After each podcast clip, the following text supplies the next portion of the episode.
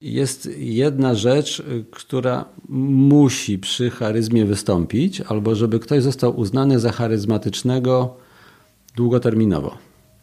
I tą, ta rzecz to jest jeden, jeden wyraz, ona się zawiera. Tą rzeczą jest Cześć, ja nazywam się Dawid Straszak i mam przyjemność gościć Was w 38 odcinku podcastu Charyzmatyczny, który powstaje po to, by udowodnić, że charyzmy można się nauczyć, ponieważ mitem jest to, że trzeba się z nią urodzić. A gościem dzisiejszego odcinka jest Dariusz Użycki, z którym będę rozmawiał na temat tego, w jaki sposób stać się osobą charyzmatyczną. Będziemy mówić o tym, po czym poznać osobę charyzmatyczną i co jest najciekawsze, o jednym czynniku gwarantującym długoterminową charyzmę, o którym myślę, że nie usłyszycie nigdzie indziej. Będziemy też mówić o tym, jakie są trzy cechy osoby charyzmatycznej oraz na samym końcu Dariusz zdradzi magiczny sposób na bycie postrzeganym jako charyzmatyczny lider. Dariusz Życki to człowiek o wieloletnim doświadczeniu biznesowym w branży Executive Search, czyli wyszukiwaniu kandydatów w procesach rekrutacyjnych kadry zarządzającej oraz menedżerskiej. Sam pracował i pracuje nadal na stanowiskach kierowniczych. Autor książki Czy jesteś tym, który puka? oraz wykładowca na studiach MBA w tematyce przywództwa, komunikacji, planowania kariery oraz budowania równowagi życiowej menedżerów doktor nauk technicznych z Wojskowej Akademii Technicznej w Warszawie, a sam o sobie mówi, że wspiera liderów. Słuchajcie, jest jedna rzecz, którą się chciałem z Wami podzielić. Otóż jakiś czas temu zacząłem współpracę z firmą Zero Bullshit Management. To jest firma, która oferuje szkolenia, doradztwo oraz consulting i ja mam przyjemność prowadzić w tej firmie dwa szkolenia. Jedno o tym, w jaki sposób wykorzystywać charyzmę na co dzień w biznesie oraz drugie dotyczące tego, w jaki sposób tworzyć charyzmatyczne wystąpienia publiczne. Jest to dla mnie szczególnie ważne, ponieważ ta firma wyznaje bardzo podobne zasady do moich, to znaczy, że kładzie nacisk na prostotę, pragmatyzm oraz skuteczność i uczymy tego, co można wykorzystać zaraz po wyjściu z sali szkoleniowej. Jeżeli mielibyście ochotę dowiedzieć się, w jaki sposób wyglądają programy tych szkoleń, to zapraszam na stronę 0bs.pl w zakładce szkolenia wpisując Charisma albo Presentations. No i to wszystko. E, zapraszam do wysłuchania rozmowy z Dariuszem i miłego podcastu.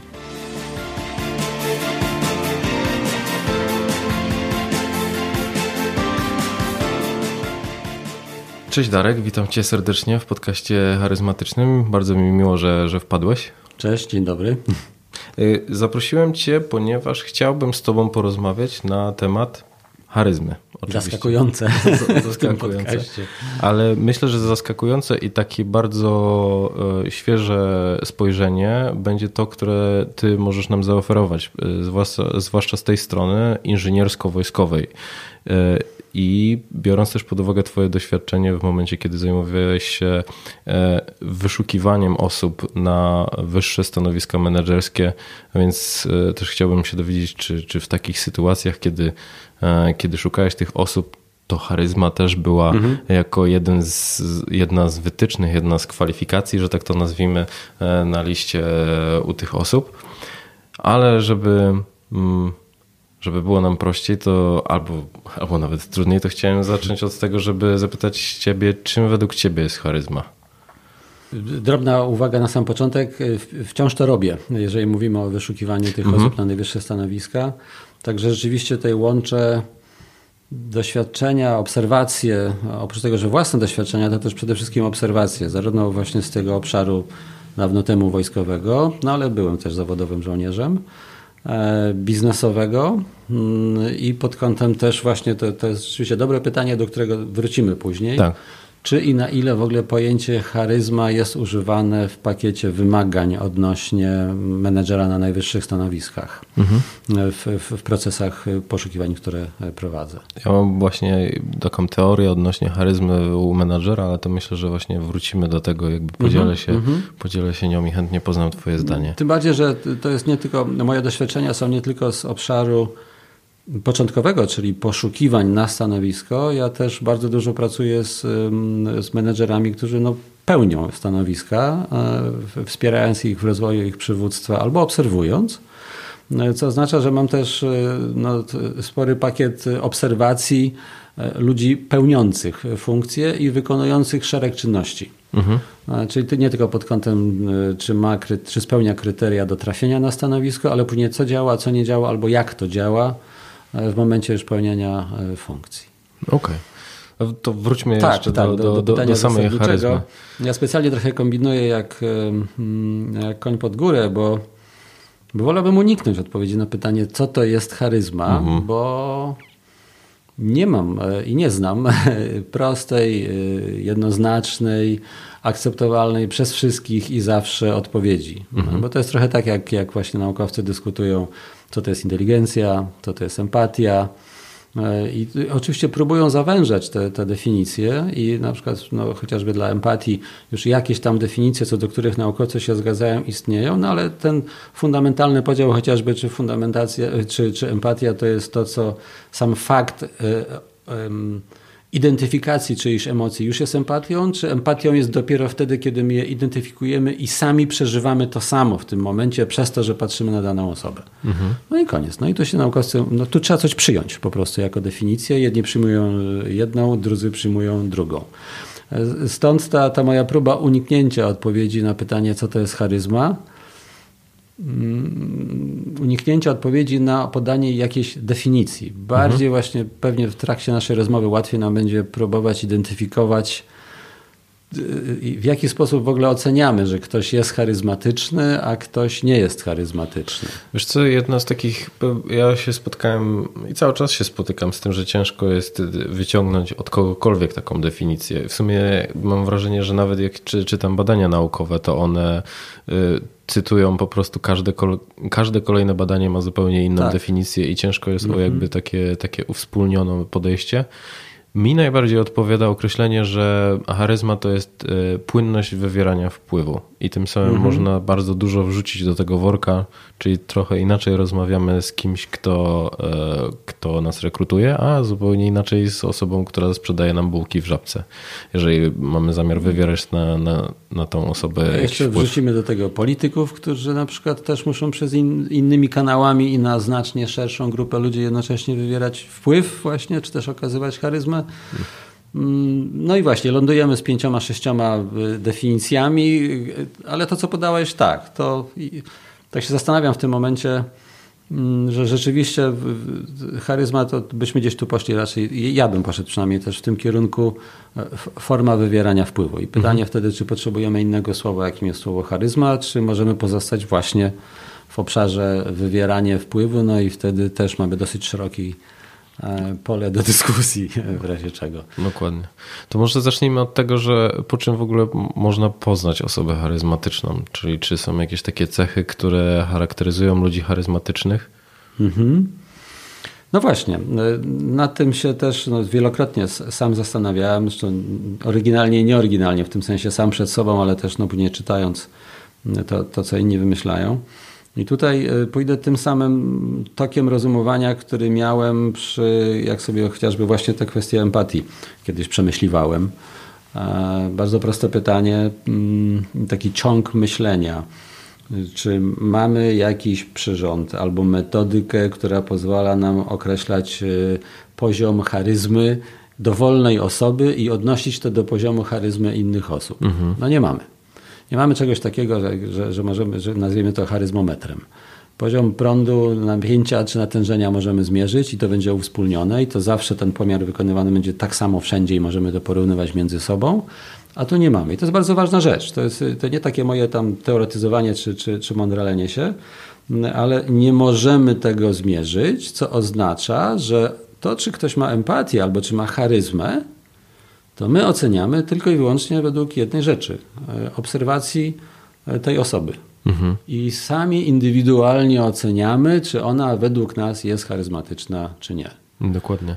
Mam wrażenie, że nawet jeżeli byłby taki charyzmometr, e, to zakładam, że byłby na bazie kwestionariusza. No i właśnie lądujemy. Ale do czego dążę? Bo mam wrażenie, że charyzma jest bardzo blisko narcyzmu i w momencie, kiedy ktoś byłby pytany, czy mhm. jest charyzmatyczny. Jakby szybko można byłoby się po takim kwestionariuszu zorientować, czy no, odpowiadając na pytania, o co tak naprawdę chodzi. Czy wywierasz wpływ, czy ludzie za tobą idą. E, I sam też robiłem kiedyś takie badania i zauważyłem, że raczej można było wpaść w tą pułapkę, że to, to miara pewności siebie danej osoby, tego czy ma skłonności narcystyczne, aniżeli samego podejścia do, do, do charyzmy, bo to co zauważyłem to, że osoby charyzmatyczne bardzo rzadko same siebie tak nazywają. Ciekawe jest to, co mówisz, bo zauważ, w tle Twojej wypowiedzi jest y, to najpowszechniejsze pojęcie charyzmy. Takie, jak to mu się powie, co to jest charyzma, to najczęściej pierwsza rzecz, która nam przyjdzie do głowy, to trybun stojący na trybunie mhm. właśnie, albo wódz na wzgórzu, e, czy też polityk e, e, wygłaszający orędzie do narodu i jak to, jak to nazywam w, w cudzysłowie, porywający ludzi na bagnety, czyli właśnie wzbudzający w nich takie emocje, że oni z gołymi pięściami albo nakładają magnety na karabiny i idą na armaty przeciwnika. Mm, czyli to jest taka, ta, ta charyzma właśnie taka porywcza, porywająca mhm. ludzi. Tymczasem jest wiele innych odcieni charyzmy, w których w ogóle, w niektórych w ogóle nie trzeba mieć tego typu cech, mhm. o których wspomniałeś. E, właśnie tych narcystycznych, trochę takich właśnie gotowości do wystąpienia przed ogromnym tłumem ludzi i porwania ich na bagnety czy gdziekolwiek. E, a mimo to masa ludzi oceni daną osobę na podstawie jej trochę innych zachowań, i o tym pewnie zaraz też porozmawiamy, jako charyzmatyczną i też za nią pójdzie. Mhm. Mimo, że ona nie jest na przykład wielkim mówcą. E, I do mów na przykład, jeżeli jest taka potrzeba, to wykorzystuje innych ludzi, którzy się z tym świetnie czują. E, a mimo to wszyscy doskonale wiedzą, że i użyją wręcz sformułowania, że charyzmatyczny to jest tamten. Mhm. Ci to są od gadania i od emocji budowania, ale to tamten jest charyzmatyczny.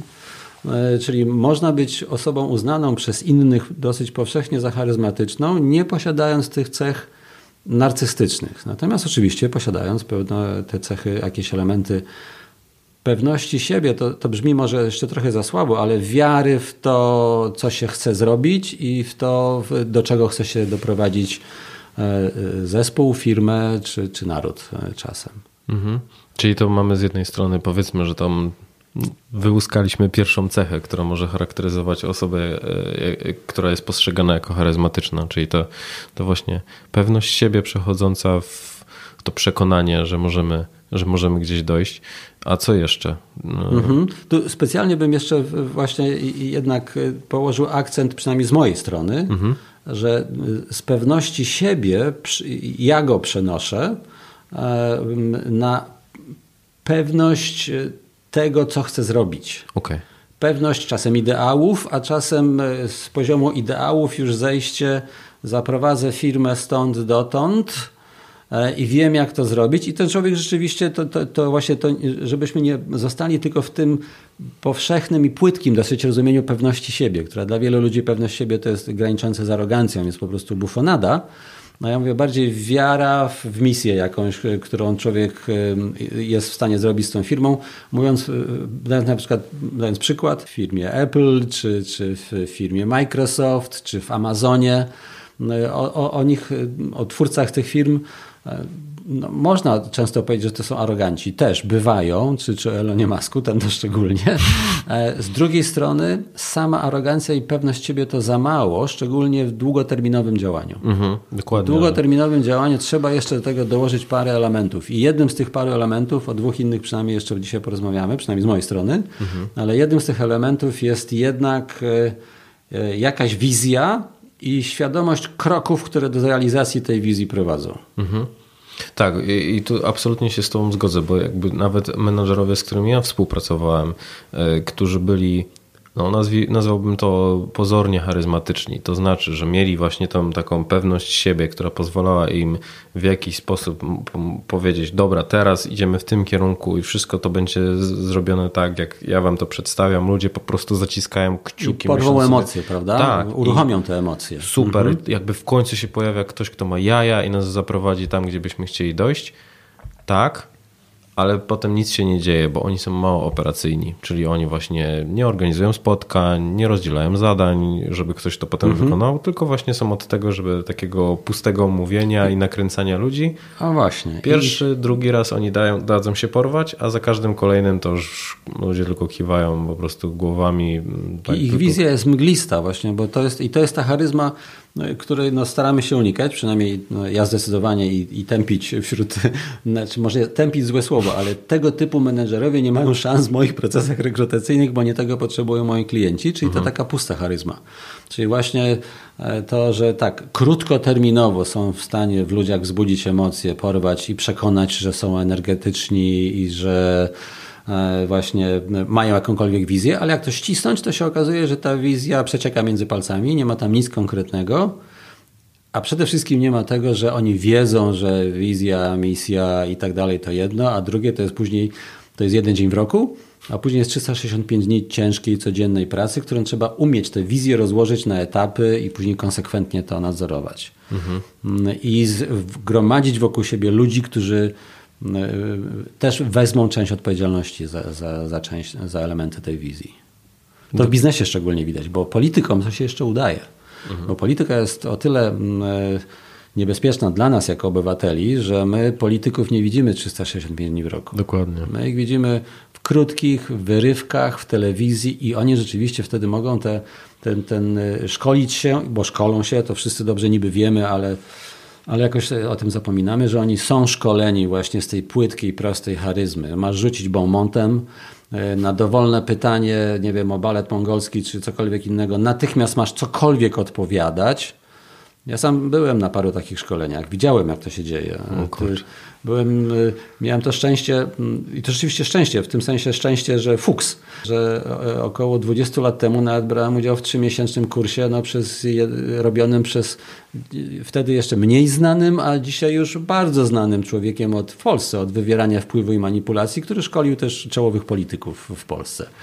I to była dla mnie bardzo ciekawa nauka, e, e, bo, bo jako wtedy no, znacznie młodszy człowiek, ale już 30-paroletni, no bo ja już dzisiaj mam trochę więcej lat, e, no, mogłem zobaczyć w jaki sposób właśnie wywierany jest wpływ przez te proste, już dawno zdefiniowane ja to nazywam płytkie narzędzia, bo one są płytkie dlatego, że są krótkoterminowe. Mhm. One nie niosą tego elementu wizji, bo na przykład do Maska, Elona Maska ja mam sporo uwag, można powiedzieć, czy też do, do, do, do, do, do, do Tesli przede wszystkim, e, ale na pewno nie można mu zarzucić, że oprócz swojej wizyjności to on jest ciężko pracującym na co dzień człowiekiem, który ma poukładane w głowie, jakimi etapami chce osiągnąć cele, które założył. Czyli jego charyzma jest, prze, przenosi się na te 365 pozostałych dni w roku, a w tym 366 jest to porwanie ludzi na bagnety mhm. i pokazanie e, jakiejś góry na horyzoncie gdzieś daleko, którą trzeba mieć. Wiesz co, myślę, że to jest dobry moment, żebym się podzielił swoją teorią i ostatnimi Super. przemyśleniami, bo dociera do mnie to, że charyzma to jest trochę taka wartość premium. Dlaczego o tym mówię? Bo jeżeli odnosimy się do menadżerów, tak, do mhm. biznesu, czy menadżerów, liderów, powiedzmy, że osób, które zarządzają innymi, to oni sobie dadzą radę bez charyzmy. Właśnie o to chodzi. Jakby Dokładnie. biznes tak. będzie szedł dalej i to jest to, czy to będzie zrobione na zasadzie e, z uśmiechem na ustach, czy nie, czy ludzie będą e, po prostu uwielbiali właśnie swojego szefa, to nie ma większego znaczenia dla biznesu, bo zależy na tym, żeby były jakieś wyniki osiągnięte. I w momencie, kiedy pojawia się charyzma, no to warto jest, żeby to wszystko, co lider potra powinien potrafić, czyli dawać informację zwrotną, e, monitorować zadania, umieć rozdzielać, umieć delegować odpowiedzialność i tak dalej, i tak dalej. To jest minimum, które powinno być zapewnione jakby z jego strony i dopiero wtedy zaczyna się praca nad charyzmą, bo wtedy to ma większy sens, bo ludzie wtedy będą robić to z uśmiechem na ustach. Mhm. A w drugą stronę to będzie dokładnie to, o czym my powiedzieliśmy, czyli ludzie będą robić przez jeden dzień z uśmiechem na ustach, a potem się będą zastanawiać i mówić, kurczę, ten nasz szef to jest jakaś sierota, bo on po prostu nawet nie potrafi maila przeczytać. To tu jesteśmy niezwykle zbieżni, bo y, wspomniałeś i tak, tak rozumiem, że to jest jakiś proces też twoich wewnętrznych przemyśleń, bo powiedziałeś, tak. użyłeś takiego sformułowania, to ja się podzielę teraz moją wewnętrzną teorią. o tyle fajnie, że mam na to dowód, że nie chcę ci się przypodobać jako autorowi podcastu, mam przed sobą notatki, które przygotowałem i właśnie e, zastanawiając się, jak poprowadzić rozmowę albo jakie ewentualnie próbować nowy element wnieść do, no już nie wiem, 15, 25, 35 podcastu na temat charyzmy uh-huh. I, i, I, że po przyjściu tutaj jeszcze być może coś, coś nam się uda nowego powiedzieć. To wydaje mi się, że jednym z, z takich elementów nowych to jest właśnie też wynik też tych moich przemyśleń, że jest jedna rzecz, która musi przy charyzmie wystąpić, mhm. albo żeby ktoś został uznany za charyzmatycznego długoterminowo. Mhm. I tą, ta rzecz to jest jeden, jeden wyraz, ona się zawiera. Tą rzeczą jest sukces. Dam prosty przykład, zanim sobie to zaczniemy rozkładać ewentualnie na czynniki pierwsze. Prosty przykład. Mussolini i Hitler. Obie osoby zdecydowanie w swoim czasie uznawane za niezwykle charyzmatyczne. Tylko, że jaka jest różnica między Mussolinim a Hitlerem? Mussolini poza przejęciem władzy nie odniósł później żadnego sukcesu. Jego kampanie wojskowe, jakiekolwiek tam zaczynały jeszcze przed II wojną światową, czy w Afryce, czy jak już się wojna zaczęła, no to on też tam pierwszy napad na Bałkanach, na, na Jugosławię, to były katastrofy. Jeżeli cokolwiek wygrywali w Afryce, to też ogromnymi stratami to okupione i generalnie ośmieszali się w, w, w oczach y, świata. No, ekonomicznie to oczywiście to też w ogóle się na niczym nie znał. Społecznie no, po prostu był to terror, jak, jak, jak to w faszyzmie. Natomiast on w stosunku do Hitlera na początku e, pełnił rolę patriarchy niemalże, bo on był tym starszym, tym pierwszym faszystą w Europie. E, Hitler bardzo szybko przejął tę pałeczkę i, i sprowadził Mussoliniego do roli e, pomocnika i tego śmiesznego pomocnika, no bo właśnie e, Mussolini nie miał żadnego sukcesu. I już wtedy, nie tylko z punktu widzenia historycznego, ale już wtedy był postrzegany jako pajac i arogant. Mhm. Więc właśnie jeżeli nie ma elementu sukcesu, to jakiekolwiek by ten człowiek nie miał cech charyzmatycznych, to bardzo szybko jest sprowadzany do pozycji właśnie e, e, pajaca. Mhm. Mm, tak, przepraszam jeszcze tylko, bo, e, żeby nie zapomnieć właśnie, no, znowu, Napoleon. Wszyscy zakochani w nim właśnie w pozycji idola w jego czasach, no nie? Mhm. zapatrzeni. Natomiast czy ktokolwiek by go później uznawał za, za charyzmatycznego już w jego czasach i my byśmy tak go dzisiaj też postrzegali, Gdyby on pierwszych pięć czy sześć swoich bitew przegrał i zaginął gdzieś tam w, w historii, w życiu. A jak on odnosi sukcesy, to generalnie już jest wszystko jedno. Czy on jest mhm. wielkim mówcą, czy słabym mówcą, czy on mówi półgębkiem, czy on pisze półgębkiem, e, a pisze długie epistoły i tak wszyscy powiedzą super, mhm. jest charyzmatyczny. Wiesz co, wydaje mi się, że to też nie, nie trzeba tak daleko szukać w historii, jak po prostu rozejrzeć się to co, e, to, co teraz się dzieje w świecie rozwoju, gdzie pojawiają się właśnie mówcy motywacyjni, którzy sami nie odnieśli żadnego sukcesu, a właśnie są mhm. tylko po to, żeby e, jakby napędzić po prostu w jakiś sposób emocjonalnie ludzi na jakimś wystąpieniu. I też obserwuję to, że w momencie, kiedy jakby próbuje się zweryfikować, co tak naprawdę ci ludzie osiągnęli, że jakby roszczą sobie prawo do tego, żeby mówić innym, jak powinni. Jak żyć i jak, jak, pracować, jak tak. Żyć i jak pracować. E, to myślę sobie, że właśnie ten brak pokory czasami pokazuje, że, że tutaj jakby jest to ten podział na, na tą krótkoterminową charyzmę, czyli właśnie okej, okay, to jakby jeżeli włożą tam i odpowiednią ilość e, taktyk wywierania wpływu, to to zadziała tak. na mhm. większość, e, bo też nie na wszystkich a z drugiej strony no, długoterminowo raczej ludzie po prostu wyjdą, wzruszą ramionami i powiedzą... Co dalej? Znaczy zadadzą pytanie proste, co dalej? Stąd też no, nie, nie będę wykorzystywał Twojego podcastu jako kolejnego miejsca, w którym sobie robię trochę żarty z mówców motywacyjnych. Więc nie, śmiało, śmiało. Ale no, mam y, i nigdy tego nie kryłem, zdrowy dystans o, do mówców motywacyjnych. Podkreślam, nie do ludzi, którzy osiągnęli sukces i opowiadają później mhm. w bardzo profesjonalny sposób, jak osiągnęli ten sukces, na przykład dam przykład nawet z imienia i nazwiska, którym byłem zachwycony właśnie, na przykład no, pan Doba, który przepłynął Atlantyk w kajaku. I byłem raz na jego wystąpieniu, właśnie byłem na konferencji, gdzie on jako gość występował.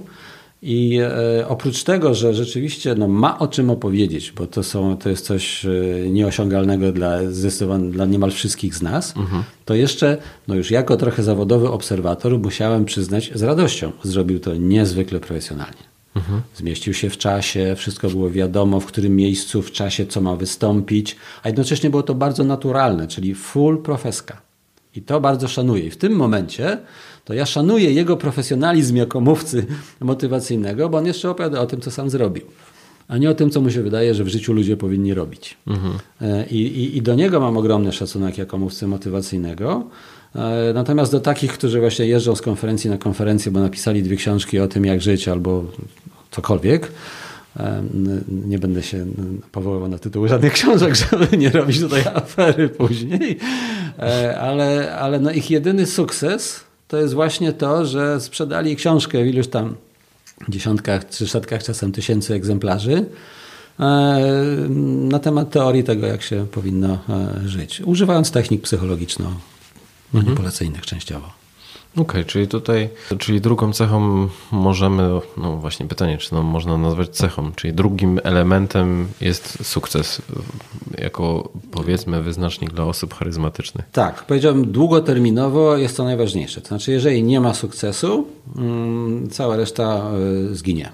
Tak, ja też to widzę u siebie w organizacji, jeżeli porównuję menedżerów między sobą i widzę tych, którzy są po prostu skuteczni w zadaniach, które, które są im przypisywane i widzę podejście ich podwładnych do nich. Czyli w momencie, kiedy byłem, brałem udział w projekcie, który był jakby sponsorowany i, i też zarządzany przez przez jedną menadżerkę, która nie miała pojęcia o tym, czym, czym się za, będziemy zajmować na samym początku, a po, zrobiła tak ogromne postępy w przeciągu całego tego projektu, że wiedziała czym, jak. E, e, miałem czasami wrażenie, że wie więcej niż specjaliści, którzy, którzy zostali mhm. zatrudnieni jako tacy powiedzmy konsultanci. I, no I to powodowało, że i przez to, że ona też pracowała najciężej ze wszystkich, Czyli mhm. właśnie Czyli mail własny, o dziewię... przykład. Właśnie. Tak, tak. Mail o 19 dawał, dawał nam wszystkim do myślenia, że kurczę, może, może warto też jakby zakasać rękawy. To tylko tak, przepraszam na marginesie, bo słuchają nas miliony w tym mhm. momencie, mhm. zakładam. Drobny wtręt. Y, nawet jeżeli my ciężko pracujemy, i o 19 czy 20 czy 21 pracujemy, to może nie wysyłajmy maili do wszystkich naszych ludzi z zespołu, może mhm. wyślijmy ten mail rano. To już taka drobna uwaga na inną rozmowę właśnie, e, jak zarządzać energią albo też jak e, pomagać innym lub nie pomagać innym e, w, w planowaniu swojego życia. Mhm.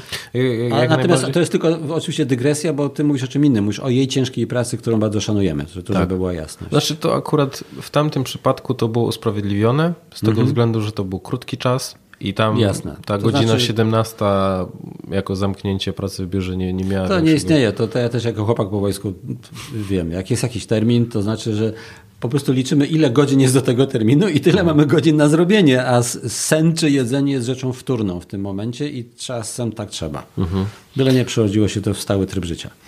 Dokładnie, dokładnie. I z jednej strony właśnie była taka osoba, która mhm. ciężko pracowała, chciała się wgryźć w temat, a z drugiej strony były osoby, które na przykład są w stanie dobrze występować publicznie, e, są w stanie jakby za, zapalać ludzi, ale też tak krótkoterminowo, ale ta skuteczność już jakby w, e, w działaniu jest zdecydowanie niższa. I myślę, że to jest to, co się zawsze broni, czyli jakby budowanie tego autorytetu przez ciężką pracę i przez zaangażowanie. I sukces. I, I sukces. Znaczy, sukces. Sukces jest kluczem, bo nawet. Y, tu, tu... Ale myślisz, że jeżeli ten sukces nie zostałby osiągnięty, a mimo wszystko my zrobilibyśmy kawał dobrej roboty, powiedzmy, że z jakichś czynników zewnętrznych, załóżmy, może u ciebie to jest łatwo, jakby łatwo rozliczalne, czyli w momencie, kiedy zarekrutujesz złego menadżera, to bardzo szybko e, to widać, ale wyobraź sobie mhm. taką sytuację, że poświęcacie z zespołem na jakiś tam assessment center bardzo dużo czasu, żeby uwzględnić, czy to będzie dobry kandydat i mimo wszystko po, e, pojawia się jakaś pomyłka z waszej strony, czyli z mhm. twojej strony. No teraz pytanie, czy wiesz, przy jakimś takim pojedynczym potknięciu my już jakby odbieramy komuś możliwość decydowania, jakby określania go jako charyzmatycznego albo charyzmatyczną, czy jakby dajemy kolejną no, szansę? Kluczem jest to, co sam powiedziałeś, pojedyncze potknięcie. Mhm. Jeżeli komuś raz się nie uda, to jest oczywiste, to, to, to nie ma wśród nas takich, którym się zawsze udaje. i zawsze do, osiągają sukces, ale jeżeli ktoś 3-4 razy z rzędu nie, nie dowozi projektu i mhm. nie osiąga sukcesu, to środowisko samo go wyeliminuje.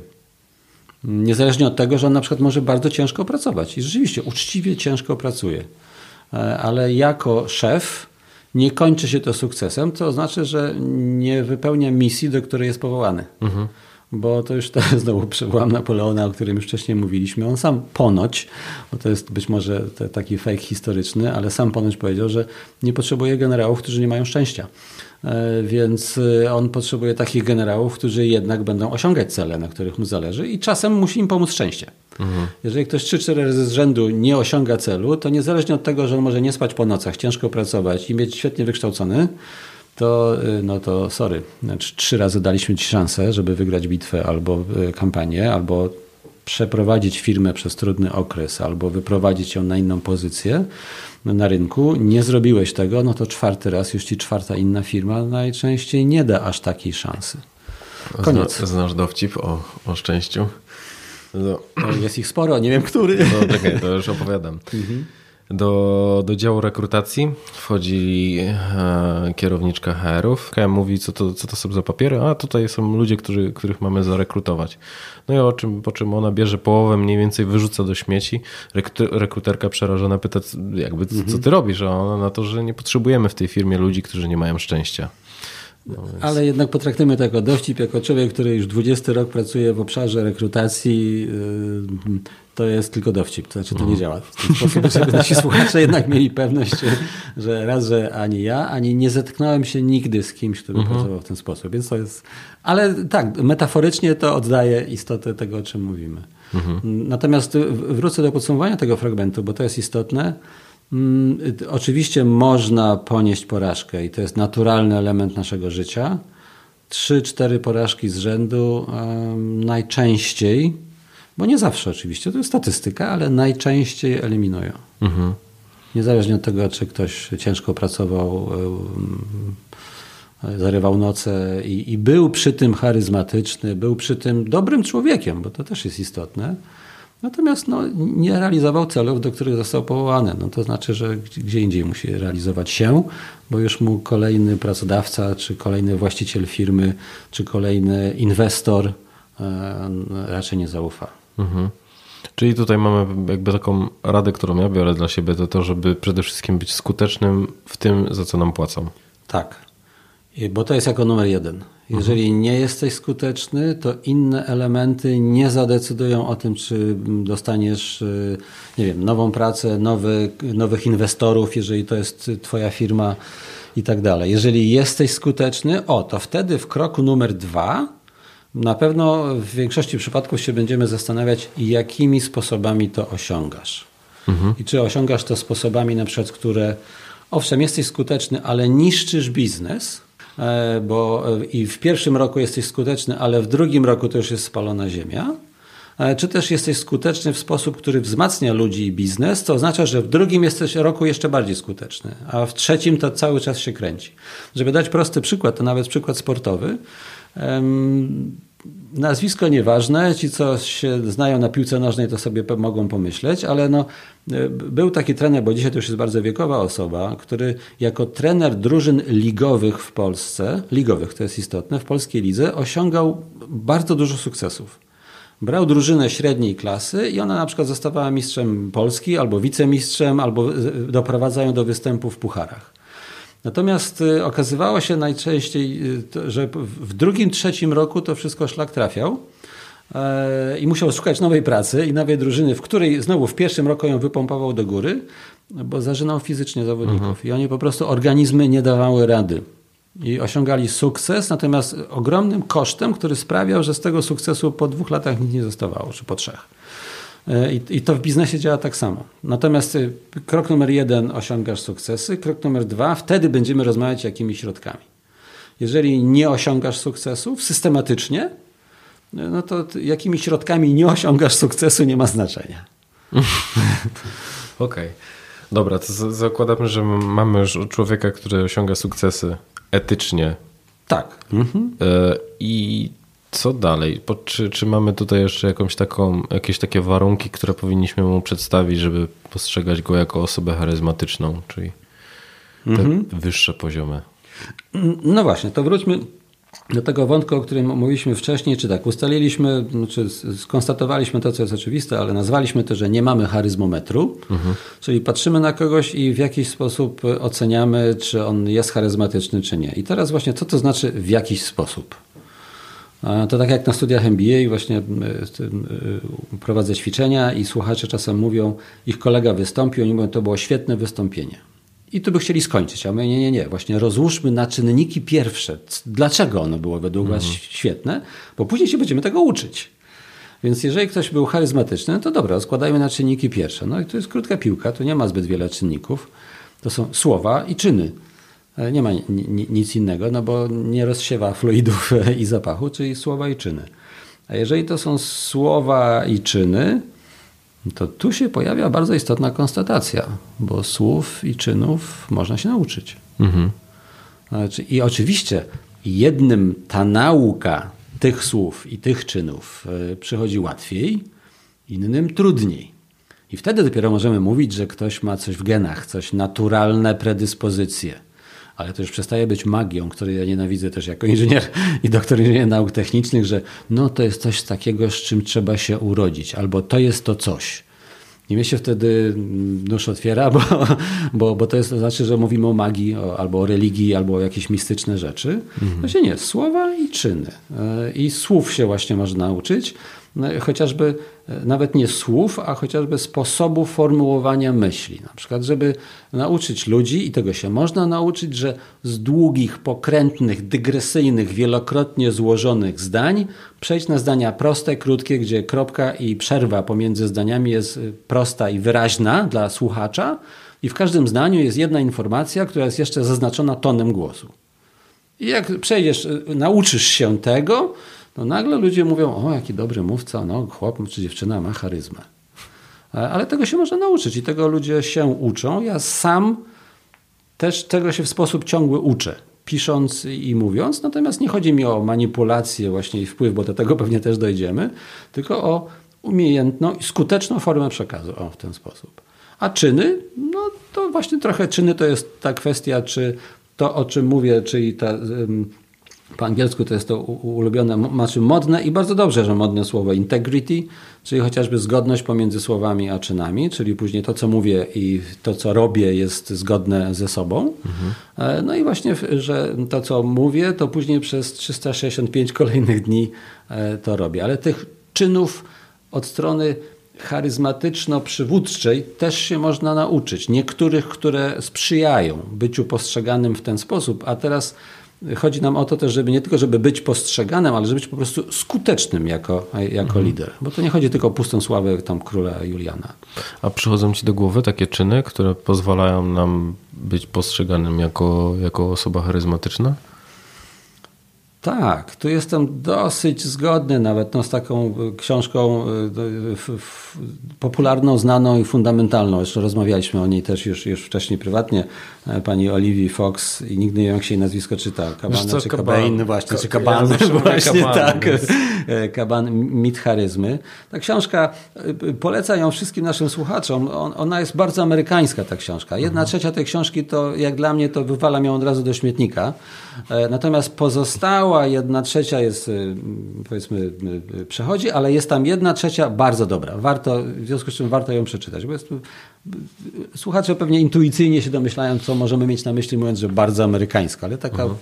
trochę zbyt powierzchowna i trochę chwilami mistyczna, ale, ale tam jest wiele mądrych myśli, łącznie z tym, że ona właśnie nazywa trzy cechy, które według niej to jest charyzma. No nie? Że to jest obecność, co oznacza bycie z ludźmi, i pokazywanie pojedynczym ludziom, a nie tłumom, tylko pojedynczym ludziom. Jestem przez tę chwilę tylko i wyłącznie dla ciebie. Ty tak. dla mnie coś znaczysz.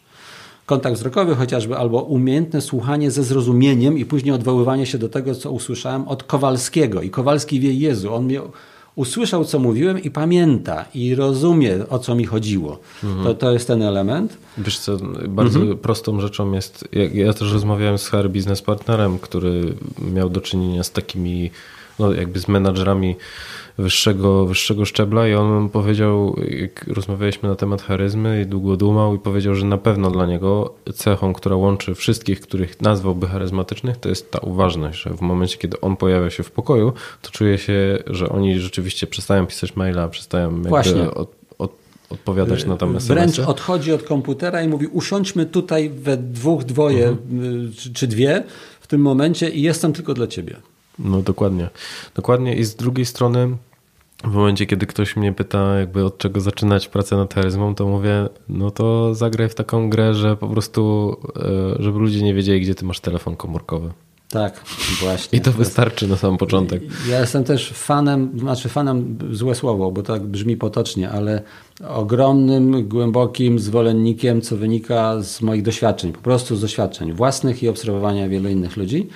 Mm, prostych, za, zaczynania zawsze od prostych zachowań, które nie wymagają ogromnej rewolucji w sobie, bo to wtedy wyjdziemy na, na, na właśnie na pajaca ale prostych, codziennych zachowań, tylko właśnie istota jest w tym, że one są proste, powtarzalne, codzienne i to jak skały osadowe. Takie właśnie pojedyncze, drobne, małe zachowania codzienne sobie upadają i nagle po pół roku ludzie mówią, o kurczę, ten Darek albo Daniel, czy Dawid, czy, czy Jurek, Marek, to jest lider. I oni nawet nie wiedzą, dlaczego to mówią, tylko że to jest lider. Mhm. Ja dałem temu wyraz w paru swoich artykułach. No, jednym z, z nich właśnie jest chociażby odwołanie się i przypomnienie wielu menedżerom, którzy nie doceniają tego faktu, coś takiego właśnie jak ta codzienna, fizyczna, drobna obecność wśród swoich ludzi. Mhm. Przejście między biurkami, zwrócenie się do kogoś po imieniu, zapamiętanie, po pierwsze, jakie ludzie mają imiona, niektórzy nie od razu wszystkie, ale i właśnie ta indywidualizacja ludzi. I to nie trzeba rewolucjonizować swoich zachowań, tylko właśnie wejść za biurka od czasu do czasu, byle systematycznie. I nagle się okazuje, że nie musimy wiele innych rzeczy robić i oni nas postrzegają jako naturalnego lidera i przywódcę. Mhm. Okay. Ten telefon, o którym wspomniałeś, też osobny artykuł też poświęciłem temu. Zdawałoby się drobnej rzeczy.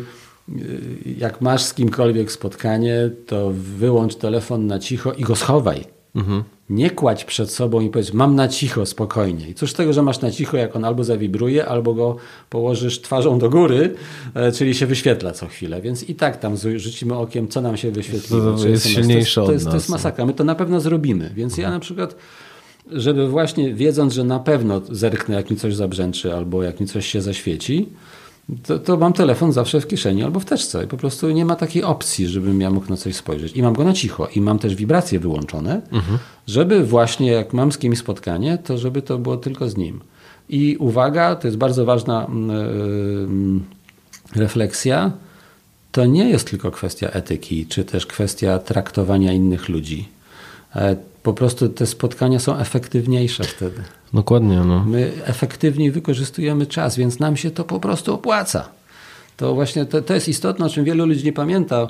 Niestety też ci, którzy nawołują do tego typu zachowań, bardzo wiele robią to w sposób dosyć naiwny, czyli właśnie taki, no bo szanujmy się, bo mindfulness, czy cokolwiek tam jakieś mądre jeszcze słowo wymyślą e, angielskie, żeby nazwać coś, co wiemy od tysięcy lat, tylko się nazywało inaczej. I odwołują się do rzeczy właśnie takich mistyczno-religijno-wartościujących. Mhm. Zamiast powiedzieć to, co dla wielu z nas jest najistotniejsze, będziesz efektywniejszy. Mamy mhm. obecność tak. i o czym jeszcze, jeszcze dwa pozostałe? Tak, dwa pozostałe od, od, od, pani Oliwii chociażby. No drugie to ona to określiła takim no, ogólnym słowem moc, ale to jest właśnie to, o czym mówiliśmy wcześniej, czyli pewna wizja, którą da się przełożyć i ten lider wie, jak ją przełożyć na etapy realizacji wizji. Mhm.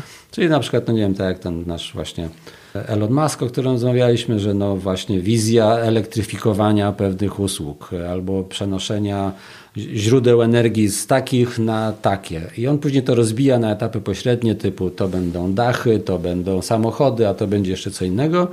I rzeczywiście zatrudnia później tabuny inżynierów, którzy to, to realizują. I jak się to umie nazwać, no to właśnie to, to porywa też ludzi.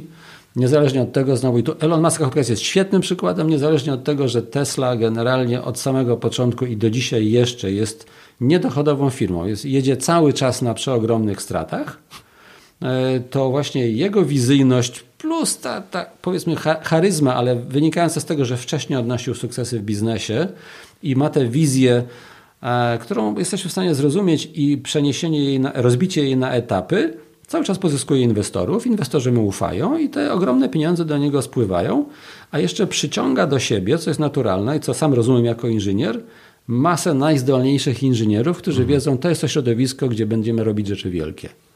Ich mnie interesuje, czy ta firma jest dochodowa, czy nie.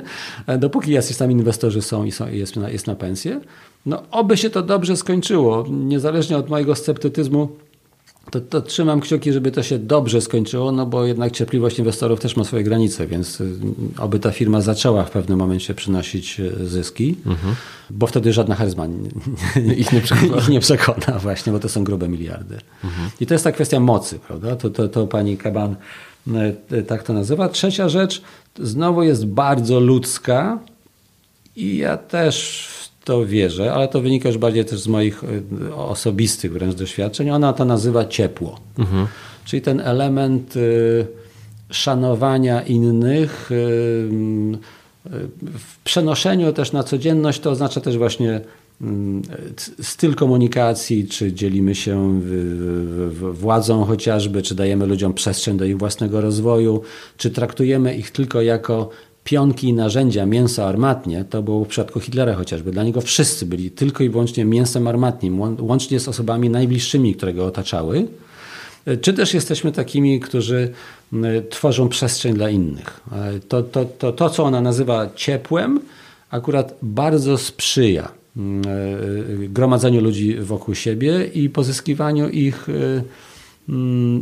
wierności złe słowo, ale lojalności i podążania za nami w długim terminie. Mhm. Widzisz, popatrz jaka to jest różnica, rozdźwięk pomiędzy tym, jak często charyzma jest postrzegana, czyli z jednej strony właśnie wychodzi mówca na scenę, światło padają na niego i on teraz mówi, ja teraz tymi słowami, które tutaj mówię, was porwę. No i mhm. oczywiście to był jeden z tych elementów, które wymieniłeś, czyli powiedzmy ta wizja, ale okupiona jakby wynikająca bardziej z poprzednich sukcesów a z drugiej strony mamy dwie kwestie z, e, zdefiniowane przez, e, przez Olivier Fox-Caban jako takie, które są bardziej widoczne w takich relacjach jeden na jeden. Tak. Mocno indywidualnych. I ta obecność, i to ciepło na, na nastawienie na drugiego e, człowieka, czyli właśnie bazowanie na, na tworzeniu no, raczej długoterminowych relacji. Właśnie, chodzi o to, że to, dobrze to nazwałeś, długoterminowa relacja, nie wykorzystanie jednorazowe albo uczynienie z kogoś wiernego wyznawcy, Mhm. Tylko pokazanie temu komuś albo y, i ludziom dookoła, ale też każdemu z osobna, że moja wizja jest przyjazna także i potrzebna dla ciebie, bo ty swoje indywidualne cele też będziesz mógł przy okazji organizować. Mhm. Jesteśmy zbieżni. To, I to jest też, tu już mogę pierwszy raz nawiązać też chociażby do, e, do moich procesów rekrutacyjnych, kiedy uważam, że dobry rekruter potrafi patrzeć na oś czasu. Nie tylko na to, że dzisiaj moja firma, czy mój klient potrzebuje takich a takich kompetencji, to za mało. Ja uważam, że dobry rekruter i no, bezczelnie, ale może arogancko siebie mam trochę za, za takiego, y, patrząc na CV, a później rozmawiając z kandydatem, razem z nim też dochodzą, jakie, jest, jakie są jego ścieżki rozwojowe, o których on marzy albo które go motywują. Mhm ja to później nanoszę, razem z nim zresztą i później razem z klientem, na to, y, w jaki sposób w najbliższych paru latach firma y, chce się rozwijać. I szukam takich kandydatów, dla których tu występuje zbieżność. Nie, że on dzisiaj idealnie pasuje, ale za pół roku się rozjadą. E, tylko, że przez najbliższe 2, 3, 4, 5 lat to, co chce robić firma, pokrywa się z tym, w czym się chce realizować y, kandydat. Mhm. I to jest to właśnie też, co, co powinien według mnie, powinno charakteryzować też dobrego szefa na dowolnym poziomie i którego później można uznać, jest on uznawany za swoich ludzi e, jako charyzmatyczny, e, że e, właśnie nie porywa ludzi tylko po to, żeby realizować swoje cele i cele firmowe, ale pokazuje ludziom i nie manipulacyjnie, tylko uczciwie to z nimi omawia, co to wniesie do ich rozwoju. Mhm. I to jest potężny czynnik właśnie do bycia uznanym później za, za charyzmatycznego szefa. Czyli łączenie celi bezpośrednio jakby oso osób razem z tymi, które są celami firmy. Tak. I ja to wręcz nazywam już jako sam, jako szef. Do tego dochodziłem intuicyjnie. Dzisiaj już się dzielę też z tym z liderami, z którymi współpracuję, żeby to nazwać w jasny, jasny i jawny sposób, rozmawiając z podwładnym czasem, mhm. że jeżeli zrobimy razem to, to i to, to to zwiększy Twoją wartość rynkową na rynku pracy. Że robimy tego z pełną świadomością, robimy to nie tylko dla firmy, ale też jeżeli Ty dla firmy zrobisz to i za 5 lat będziesz chciał zmienić pracę, albo tę firmę ktoś sprzeda i Ty wyjdziesz na rynek pracy, to będziesz wartościowszy. Mhm. E, I jak ludzie to zobaczą, że ja, się, że, że ja z nimi rozmawiam w ten sposób, to nagle nic z gruchy, nic z pietruchy robię się charyzmatyczny. Cokolwiek to oznacza, bo na początku baliśmy się i ja sam wolę nie definiować, czym jest charyzma, wolę to przenieść na konkretne zachowania. Mhm. Zwłaszcza, że często jest tak, że jakieś wartości firmy czy cele firmy są tak naprawdę dla ludzi, którzy są na, na takich wykonawczych stanowiskach albo niejasne, niezrozumiałe, albo w ogóle ich nie obchodzą najczęściej. Więc w momencie, kiedy oni mają mhm. rozmowę konkretną, że słuchaj, no jakby nasza firma zajmuje się produkcją kafelek. I my potrzebujemy tego, żebyś ty wyrabiał nam, powiedzmy, wielowymiarowe kafelki, które są tylko i wyłącznie e, produkowane u nas. No i z jednej strony my będziemy jako firma rozpoznawalni z tego, że wszyscy klienci będą do nas przychodzić, a ty będziesz jednym z niewielu specjalistów, który Właśnie. jest w stanie to zrobić. I się nauczysz nowej technologii albo nowego sposobu y, organizacji pracy, E, który sprawi, że to do ciebie być może za chwilę ustawi się kolejka od innych pracodawców, a nie będziesz jednym ze 100 tysięcy gości, którzy przycinają kafelki albo deski w ten sam sposób. I, I tutaj też jest taka dojrzałość i pewność siebie menadżera czy osoby zarządzającej, która nie boi się, że to jest e, potencjalna strata takiego pracownika i że jego nie, jeżeli ja sam sprowadzę na, sobie, na siebie mhm. tą klątwę, że za niedługo będzie kolejka rzeczywiście innych pracodawców, która będzie jego potrzebowała, e, więc ja jakby nie będę tej, tej sytuacji prowokował. To jest y, według mnie błędne myślenie właśnie. Y, zawsze byłem sam z siebie, ale też widzę po, po ludziach, którzy właśnie są uznawani za, za charyzmatycznych liderów długoterminowo, mhm. oni właśnie nie mają takiej obawy. E, bo po pierwsze, no jeżeli przez 3-5 lat z kimś osiągamy cele, to znaczy, że on już swoje też odrobił, można powiedzieć. Mhm. Pomógł nam wystarczająco dużo.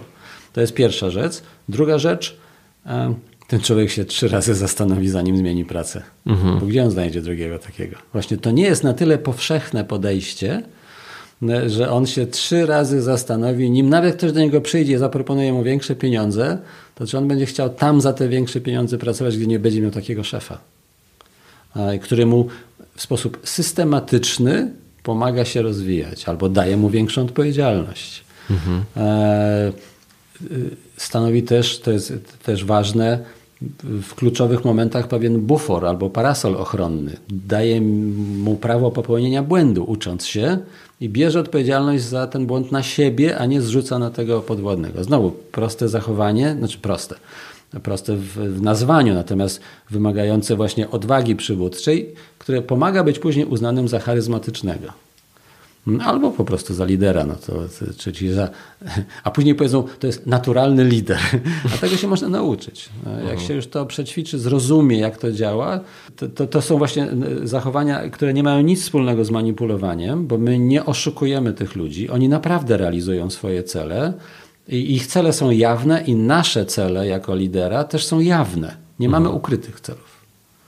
Dokładnie. O, widzisz, to bardzo fajnie, że też o tym wspomniałeś, bo w momencie, kiedy ja prowadzę szkolenia i te, które są takie warsztatowe, to jednym z zadań, które realizuję z liderami, to, to określenie, jaka jest Twoja w ogóle wizja na zespół.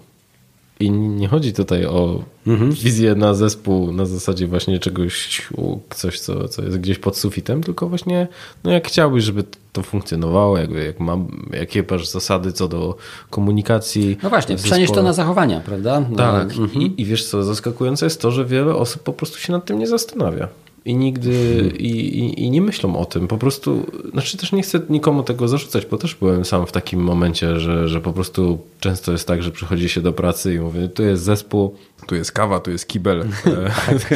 rób. Koniec okresu wdrażania. Tak. mhm. E, więc, e, więc w pełni to rozumiem, ale to I w momencie, kiedy okazuje się, że kurczę, ta wizja to wcale nie jest nic tak bardzo porywającego, tylko mm, to, co jest, mam wrażenie, ujmujące dla, dla ludzi i za czym oni chcą podążać, i też e, nad, za czym ja sam chcę podążać, to jest to, kiedy ktoś powie: Ja wiem. I ja pokażę jak my możemy mhm. do tego wszystkiego dochodzić na zasadzie, że teraz będziemy komunikować się bezpośrednio za pomocą, e, nie wiem, ustalamy mm, priorytety względem e, sposobów komunikacji w zespole po to, żeby, żeby robić to lepiej, efektywniej, czy będziemy mieli jakąś tablicę korkową, czy robimy wszystko przez maile. Mhm. To są takie drobne zasady, które, które wprowadzane już ludzie myślą sobie, kurczę, fajnie, przynajmniej wiemy, gdzie idziemy. To tutaj nie wiem, czy zaskoczę, czy nie zaskoczę. Mhm. Może część naszych słuchaczy zaskoczę. Mnie przychodzi, to, to jest, ja się z tego bardzo cieszę, bo lubię ten poziom współpracy, znaczy głównie praktycznie w 100% to współpracuję z ludźmi na poziomie zarząd, dyrekcja. I... Oni też nie wiedzą. Właśnie, właśnie do tego zmierzam, że, że no mam, z jednej strony mogę się cieszyć, bo mam pracę, z drugiej strony tak, to jest chwilę mnie zaskakujące, że, że zadają zdawałoby się no, dosyć bazowe, takie fundamentalne pytanie. Dobra, wartością waszej firmy jest to. I macie tam, wisi na ścianie. No I macie cztery, czy pięć, czy siedem wartości jakichś wypisanych na ścianach, to ja zadaję pytanie, co to fizycznie oznacza w codziennych zachowaniach osoby na tym a tym stanowisku i to jest na poziomie specjalisty gdzieś tam. Mhm. Czyli y, połączmy, ja to, to, słuchacze nie widzą, ale ja w tym momencie dwoma rękami pokazuję te odległe punkty, połączmy to, co wisi na ścianie z codziennym zachowaniem kogoś w, w sprzedaży, recepcji, w dziale reklamacji. Tak, czyli mamy klient na pierwszym miejscu, i, I właśnie, co to znaczy co to fizycznie oznacza na recepcji, albo co to fizycznie oznacza w dziale reklamacji. I po takim moim pytaniu, no, w dobrych 80% przypadków zapada cisza. Jak rozmawiam też z osobą na poziomie zarządu. Mhm. Co jest jakimś znakiem, ale to są mądrzy ludzie, więc większość z nich od razu mówi, no, no dobra, wiedzą czego dotknąłem i wiedzą co, co to dalej. Ale to jest jakiś sygnał, że właśnie nie ma tego elementu łącznikowego i zejścia do domu, do dołu, czyli do zachowań codziennych. Okej. Okay. E, chciałem też porozmawiać na temat tego, gdzie jest, e, gdzie jest granica pomiędzy charyzmą a manipulacją, bo mam mhm. wrażenie, że tutaj może być to postrzegane jako taka cienka, tak, czerwona bo ona jest cienka. Znaczy, niestety, e, to powiedziałbym jeszcze gorzej, dla nas nie ma nawet tej cienkiej, ale granicy, tylko jest jakiś obszar. I on jest właśnie, no, to mnie o tym łatwiej mówić jako właśnie o, sobie, o wykształceniu technicznym, bo, bo zwykle wiadomo, że są jakieś procesy skrajne, jest obszar przejściowy pomiędzy tymi dwoma procesami skrajnymi. Było minus 5, jest plus 5 i jest coś pośrodku. Więc dla mnie to jest oczywiście, że najciekawsze są zawsze te obszary przechodzenia ze stanu w stan. I tu nie ma czegoś takiego właśnie, że już wiemy, to jest proste dla nas wszystkich i ty, ja i my to nazwiemy tak samo. Gdzie się skończyła charyzma albo wywieranie wpływu, a gdzie zaczyna się manipulacja. Dla ciebie to będzie tu, dla mnie to będzie tu i w tej konkretnej sytuacji, bo my w innej sytuacji znowu inaczej to obaj określimy. Będziemy nie, nie, niezgodni. Więc, ale oczywiście to jest takie ogólne wstępne filozofowanie. Mm, natomiast no, wartość nasza dla słuchaczy, czy dla nas samych powinna być taka, żeby jednak z czymś konkretnym wyjść. Mhm. I to już padło dzisiaj. Znaczy ten kierunek mojego, mojego przynajmniej myślenia, z którym ja się zgadzam, no bo ze sobą, ale też to śmiesznie brzmi, ale z, z wieloma ludźmi i liderami, z którymi rozmawiam. Czyli właśnie, że manipulacja na przykład to jest ten element, czy oszustwo, to jest ten element, w którym nie ma jawności i jasności celów. Porywam ludzi, oszukując ich, bo obiecując im coś innego, a oni nieświadomie robią coś na moją rzecz, często ze swoją stratą. Mhm. Czyli, I oni nie wiedzą, że, że ja ich ładuję tą swoją charyzmą i porywaniem ich na bagnety w coś, co przyniesie im stratę i nie osiągną swoich celów.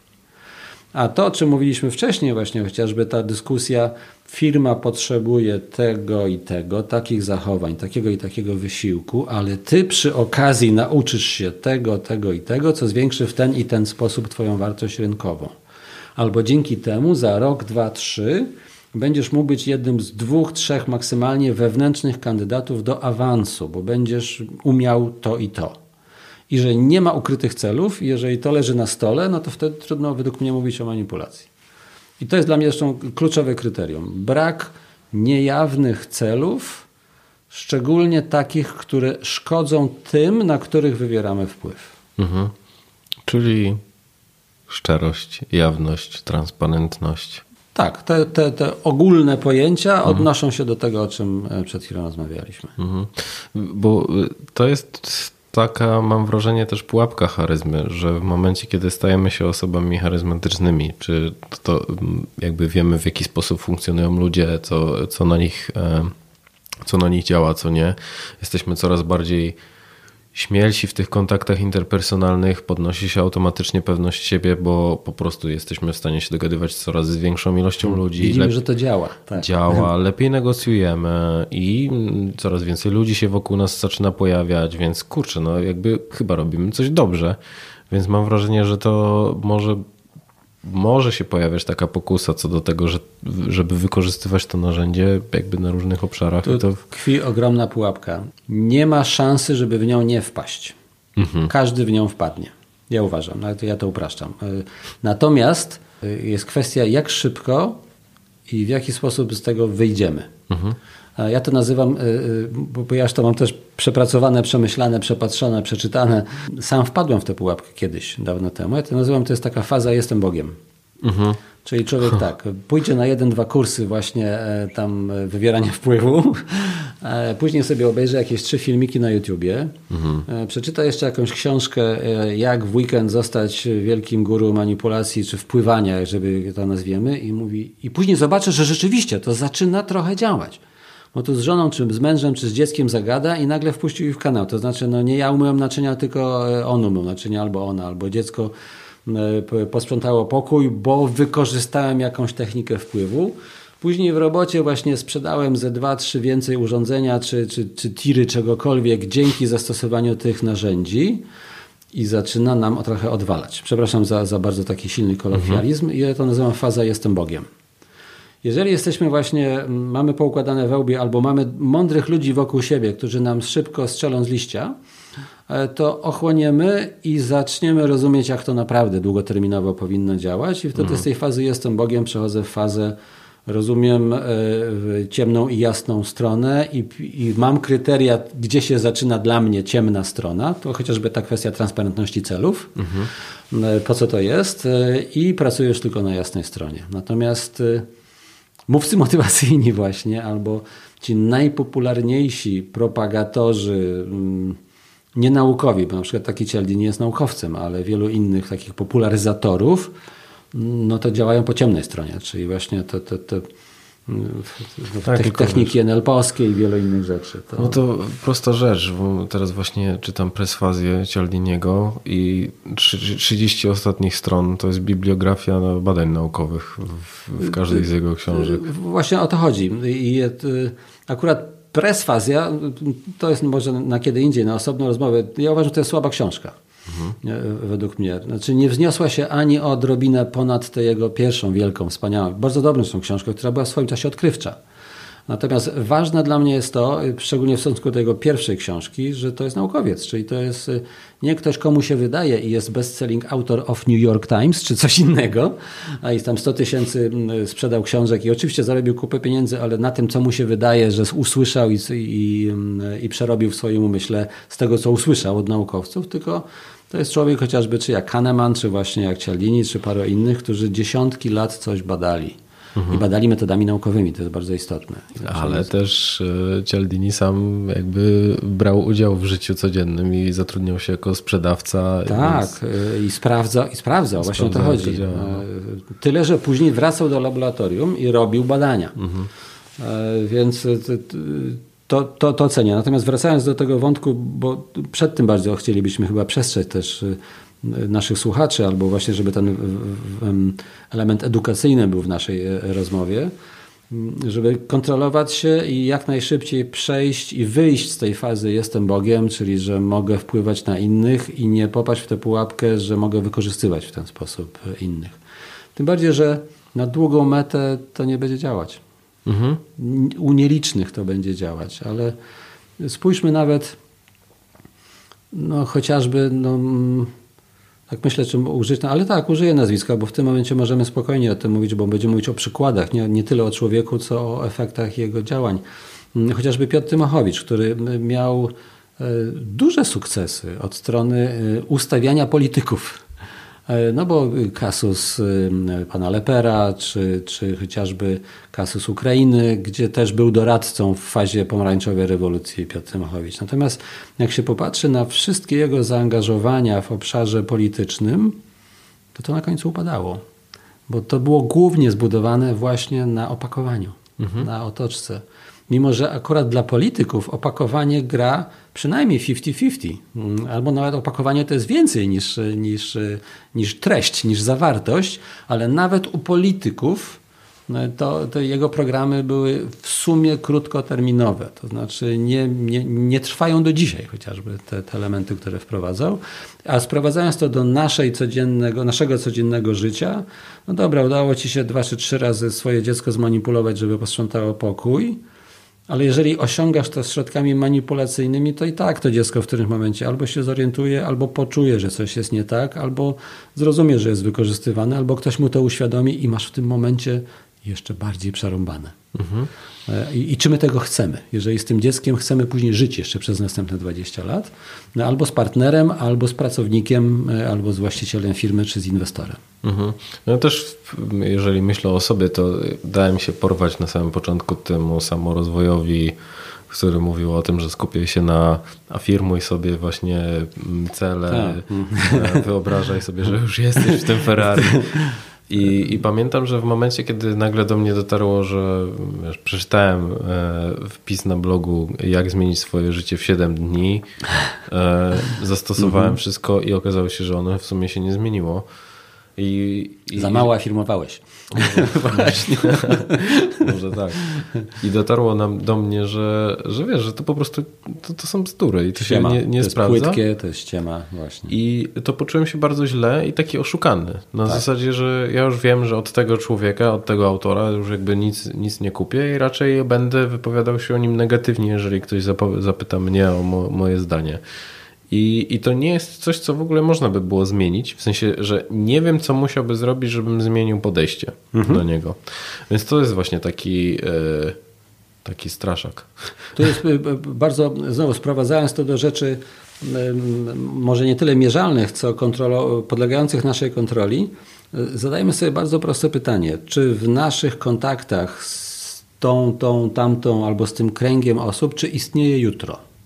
Mhm. Jeżeli istnieje jutro, to nie wchodźmy w ten obszar właśnie manipulacji yy, i właśnie w tę szarą, a później czarną strefę charyzmy, bo nam się to nie opłaca. Bo jeżeli istnieje jutro, to prędzej czy później to wyjdzie na wierzch, to jak my ich traktujemy, jak się zachowujemy. I tak jak sam powiedziałeś, to już jest niemalże nieodwracalne chwilami, albo trzeba później długie lata pracować, żeby odwrócić. Mhm.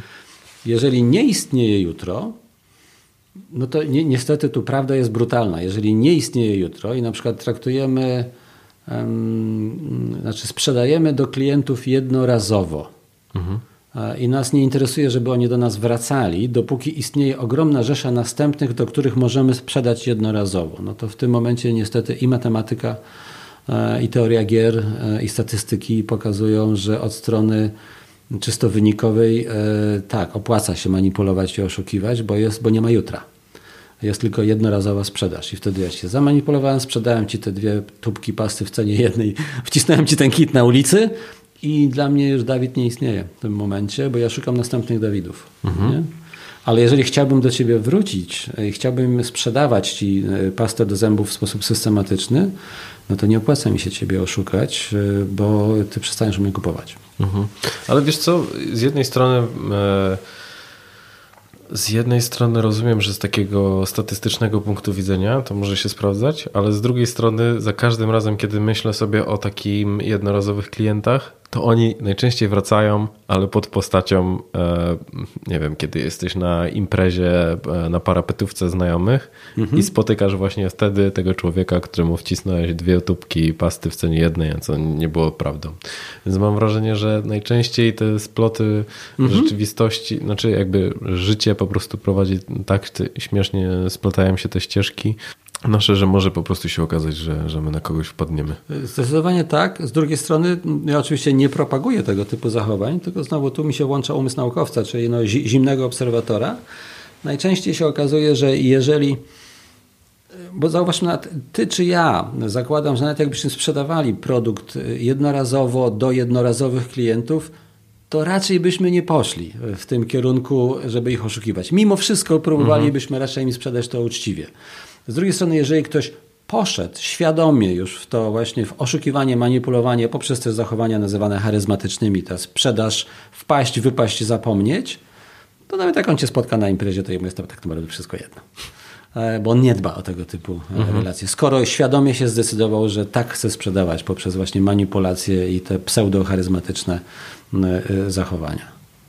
Bo jeżeli mówimy tutaj jeszcze o, o, o tej różnicy, czy tej granicy pomiędzy manipulacją a charyzmą, to chciałbym też po, porozmawiać chwilę o takich, o tym, o czym najczęściej się nie mówi, czyli o tej ciemnej stronie charyzmy, czyli czy w ogóle istnieje coś takiego, bo to, co ja zacząłem obserwować, to są dwie rzeczy, że z jednej strony często jest tak, że ten lider, który jest charyzmatyczny, może jakby narzucać pewnym, pewne tempo pracy, które dla niektórych może być za szybkie. Może nie tak.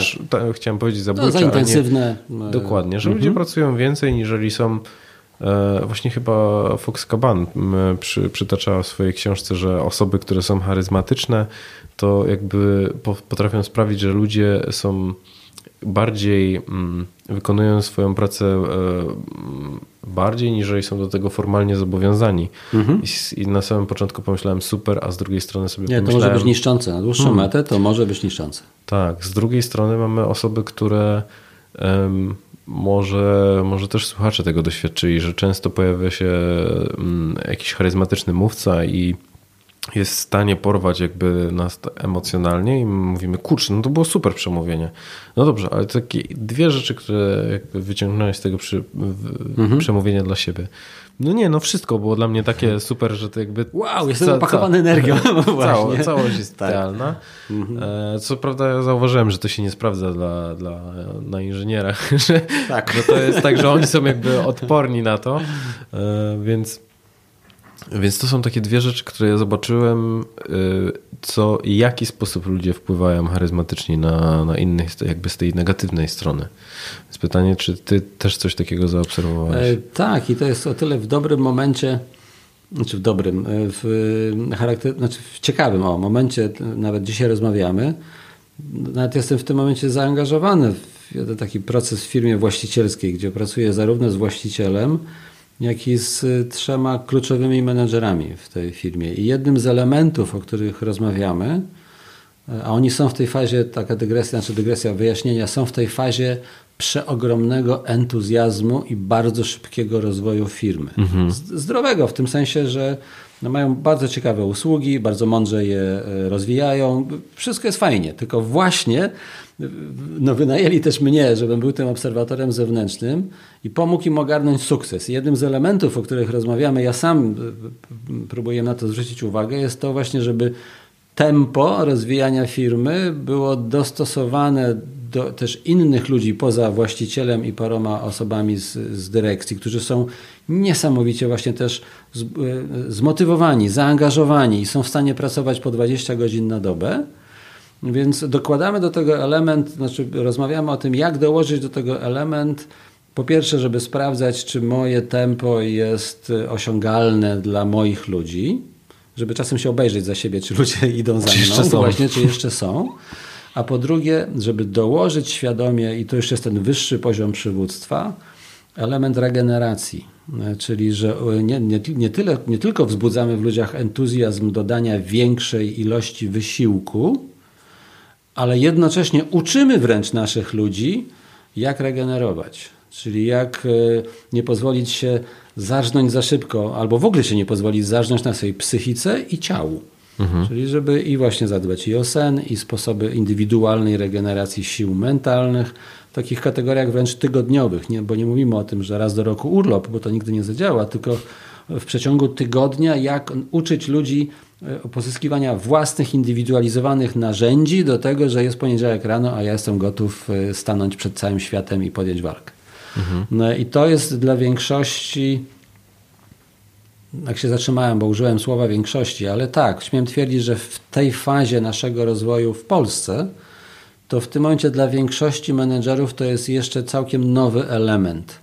My się bardzo szybko uczymy i już w dużej mierze umiemy motywować. Mówimy, o, że właśnie jak motywować swoich ludzi, jak ich porywać, jak zwiększać stopień zaangażowania. I, to już jesteśmy w tym coraz lepsi. Natomiast nie mamy jeszcze tej świadomości, że z tym równolegle powinna iść e, e, umiejętność uczenia wręcz swoich ludzi, swoich podwładnych, e, skąd brać paliwo do, do, do tej właśnie później większej motywacji i zaangażowania. To mhm. jest tak, jakbyśmy się nauczyli, że umiemy sprawić, żeby silnik pracował dłużej na większych obrotach no to też mnie jako inżynierowi to jest dla mnie oczywiste, to musimy od razu też się zastanowić, co zrobić, żeby on nam się nie zatarł w piątej mhm. godzinie, tylko żeby on potrafił na tych większych obrotach no, przepracować dobę albo cały rok, żeby pracował. No i trzeba dołożyć ten element, to dobra, to trzeba mu więcej smaru dołożyć, albo lepszy ale układ chłodniczy, żeby on się nie zatarł. No i to samo dotyczy ludzi. I tutaj świadomość tego, jak uczyć E, swoich podwładnych albo zwracać na to uwagę, e, skąd mają czerpać energię do tej zwiększonego, zwiększonego zaangażowania, które już się nauczyliśmy albo uczymy się wywoływać, to świadomość jest tego bardzo niska. Nawet właśnie wśród ludzi, którzy są y, coraz, lepszy, coraz lepszymi fachowcami, wręcz konsultantami albo doradcami wręcz od tego, jak zwiększać zaangażowanie i motywowanie ludzi. To jest dosyć modny temat ostatnio, bo y, y, niby wyniki jakichś tam badań co chwilę się pojawiają, że no, poziom zaangażowania jest na poziomie, nie wiem, 30%, albo motywowania w danej firmie jest na poziomie 25% i wszyscy rozdzierają szaty, że o Jezu, bo powinno być, właśnie nie wiadomo ile powinno 100. być. Że no 100 to już, znaczy, znaczy dla mnie to jest o tyle zabawne, że jak ktoś mówi, że powinno być 100, 100 albo 90 albo 65% u wszystkich ogromnego zaangażowania, to znaczy, że im trzeba prochy wydać, no nie? I żeby oni cały czas na prochach chodzili, mhm. bo, to jest, bo to jest już chore, to jest szalone. Bardziej ja uważam, jeżeli mówimy o zaangażowaniu, że ważne jest ile, kto i na jakich stanowiskach albo w których kluczowych miejscach, ale o tym już może powiedzmy zaczyna się w miarę racjonalnie rozmawiać, prawie nigdy się jeszcze nie rozmawia o tym, że jednocześnie powinno się pracować z tymi samymi ludźmi nad tym, skąd mają brać energię do tego stanu podwyższonego zaangażowania i motywacji. Mhm. Czyli takie zabezpieczenie przed tym, żeby ich wyczerpać tą Tak, żeby ich nie przegrzać, żeby to było zdrowe znowu i żeby to było uczciwe, że my ich zaangażujemy, coś z tego, że porwiemy i na końcu to będzie Amway. E, czyli będą fantastycznie zaangażowani i my ich znowu tu wchodzimy w tę szarą strefę albo tę ciemną strefę charyzmy, zaangażujemy ich, zmotywujemy i rzeczywiście pokażemy im osiągalne cele, czy to finansowe, czy, stano, czy, czy stanowiskowe, chciałem powiedzieć, w tym sensie, że mogą awansować ale my wiemy, że na przykład połowa z nich umrze, w cudzysłowie oczywiście, i nim do osiągnie cel, że zaangażujemy wszystkich i wiemy, że nie wiem, pięciu awansuje, ale 25 w tym momencie zatrze się. Mhm. I najczęściej mówi mm, osoba na szczycie, że słuchajcie, no, na szczycie zawsze znajdzie się miejsce, mimo tego, że szef tak, tak naprawdę jest tylko jeden. I że wszyscy możecie, to niby jest prawdą i tak dalej. E, natomiast gorzej, jeżeli właśnie ktoś, i to jest ta ciemna strona właśnie charyzmu, o czym mówiliśmy wcześniej, e, czy, czy manipulacji, czy tego błędnego motywowania, że mm, nie jesteśmy uczciwi względem swoich ludzi, pokazujemy im tylko i wyłącznie te blaski i, i my już od razu wiemy, że większość z nich tam nie dojdzie. Co więcej, Pal Diabli nie dojdzie, bo to jest w miarę jeszcze oczywiste, ale że e, skrzywdzimy ich po drodze. Mhm. Na przykład oni się wypalą przez te 2-3 lata, później firma ich wypluje, oni wyjdą na rynek pracy i są zużyci, wypaleni i nikt ich nie chce zatrudnić, bo widać po nich, jak bardzo są zużyci mentalnie i fizycznie e, wręcz. A jeszcze po drodze to wszystko sprawiło, że się rozwiedli na przykład, albo że stracili relacje z dziećmi. Mhm. No okej. Okay. No to zrobiło się teraz depresyjnie. E, w nie, ja w tym widzę szansę, w tym sensie nie mhm. depresyjnie. Zdefiniowaliśmy zagrożenia, to jest super, bo już wiemy, gdzie są zagrożenia i wiemy na przykład, y, czego oczekiwać, chociażby od jakichś konsultantów, którzy do nas przychodzą i mówią, wow, zwiększymy wam poziom motywacji w firmie. No mówię, dobra, e, czyli umiesz podkręcić obroty mojego silnika, to teraz mhm. opowiedz mi jeszcze, co, zro co zrobisz, drogi konsultancie, albo firma doradcza, albo drogi menedżerze, który chcesz pracować w naszej firmie, co robisz, żeby ten silnik pracował przez pełny rok i nam się mhm. nie zatarł na przykład po pół roku albo w drugim roku. No jak człowiek nie ma, robi duże oczy i, i nie wiem pojęcia, co odpowiedzieć, no to dziękujemy bardzo serdecznie. To szukamy takiego, który właśnie jest tym właśnie przywódcą, jak nazywam, nowszego typu, e, który, takiego dzisiaj potrzebujemy, czyli umie podkręcić silnik, ale jednocześnie zapewnić temu silnikowi żywotność. Mhm.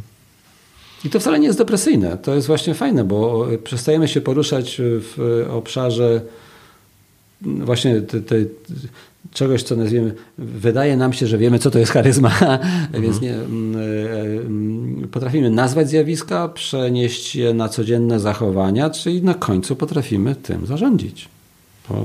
Ja to odbieram bardzo pozytywnie. Mhm.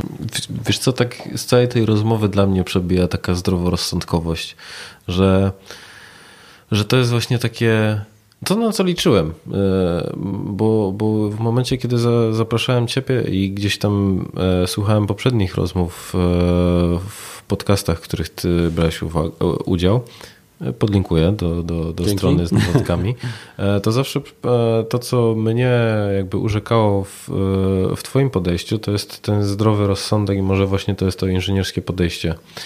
I, I dokładnie tego samego doświadczyłem tutaj, że ta charyzma to jest, y, że to jest codzienna, trudna praca, a nie gdzieś tam właśnie magiczna rzecz, którą można zastosować po szkoleniu albo wyciągnięte tak. z, mhm. z jednego filmu z YouTube'a chociaż my byśmy chcieli, bo my lubimy miłość romantyczną, my, my, lubimy myśleć, że jest magiczna pigułka, która raz wzięta rozwiąże wszystkie nasze problemy i przez to, że my mhm. walniemy motywujące przemówienie do zespołu, to oni... Tak, i na Wigilii jeszcze wow, takie fajne rzeczy opowiemy ludziom, Dokładnie. firmowej Wigilii.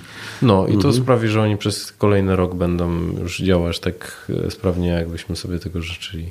To nie zadziała. To, to, to, to nie zadziała i to mówię już z perspektywy właśnie obserwatora setek firm, tysięcy menedżerów przez to już prawie 20 lat, bo mi już 20 rok e, mhm. leci. To jeszcze mam coś on top, mówiąc no. po polsku. E, bonus.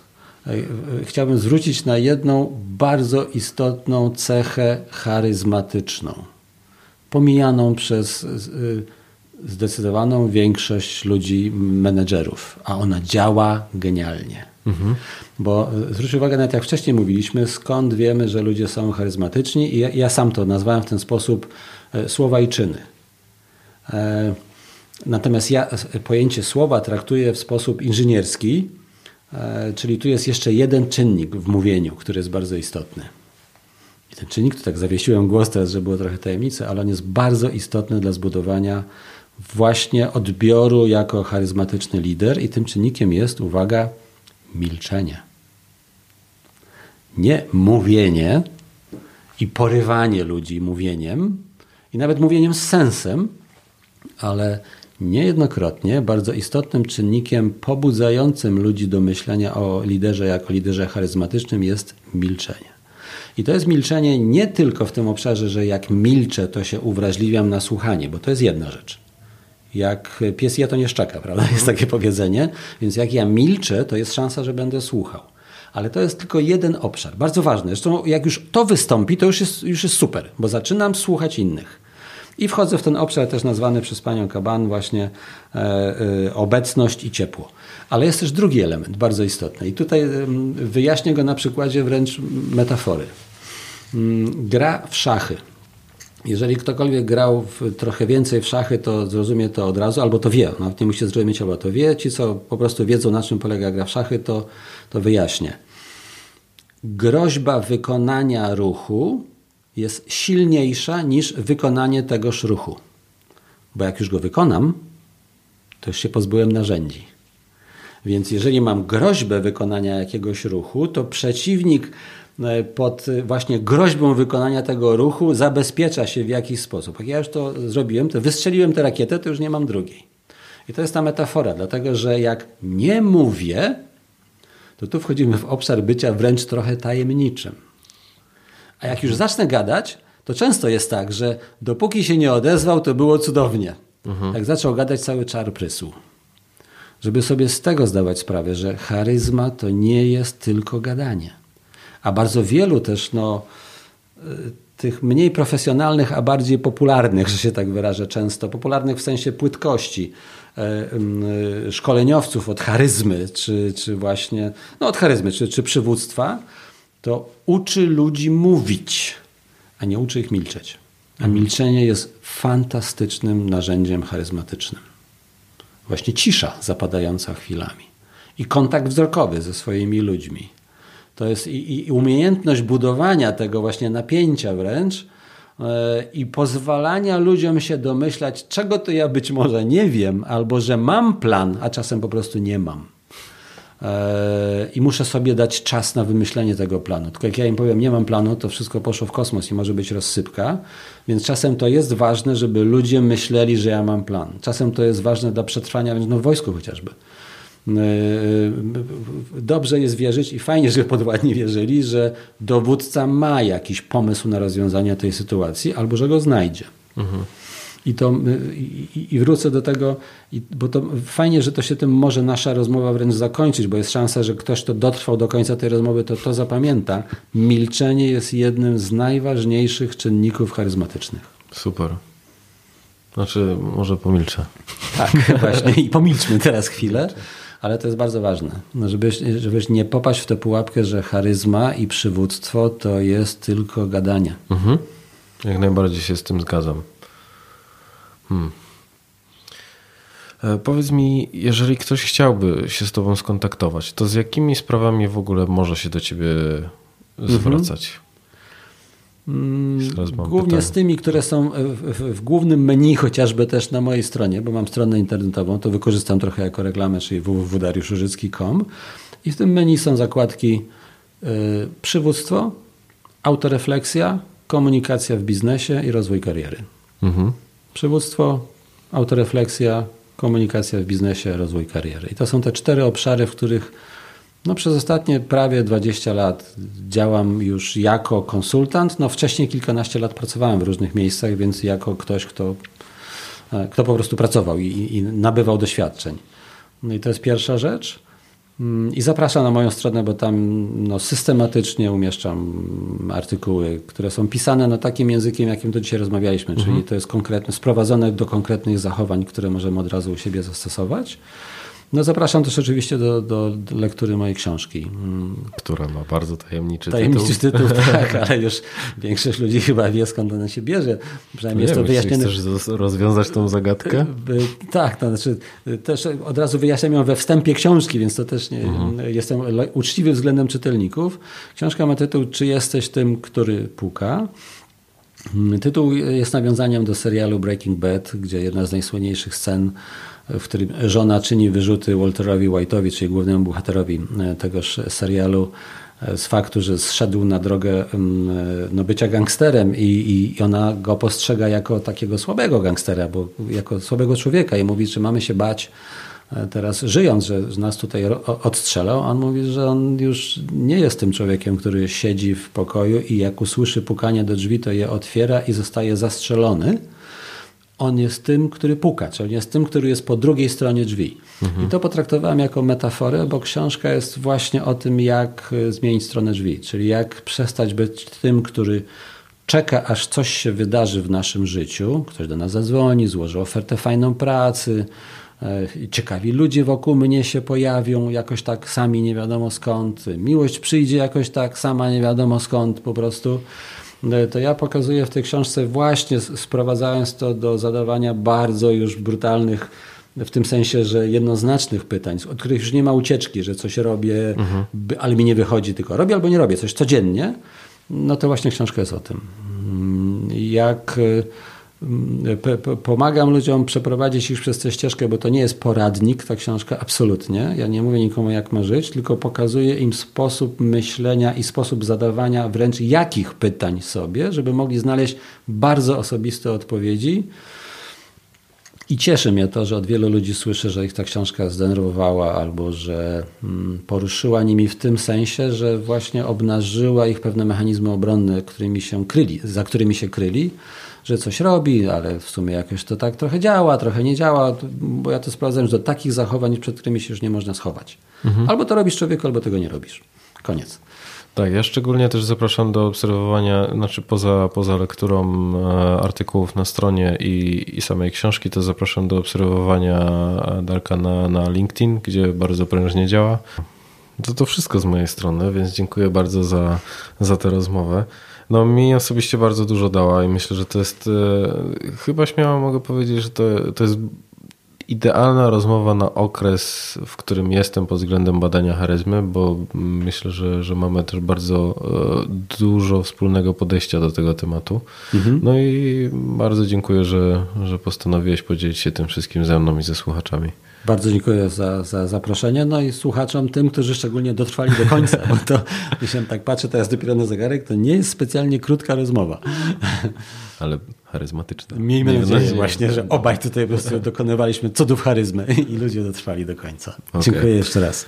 Ale zanim wrócicie do codziennych zadań, to chciałbym e, Wam serdecznie podziękować. I miałbym do Was oczywiście drobną prośbę. Jeżeli znaleźliście coś wartościowego w tym podcaście, to chciałbym, żebyście pomyśleli o jednej osobie, której mogłoby się to spodobać lub przydać i bezpośrednio do niej wysłać link.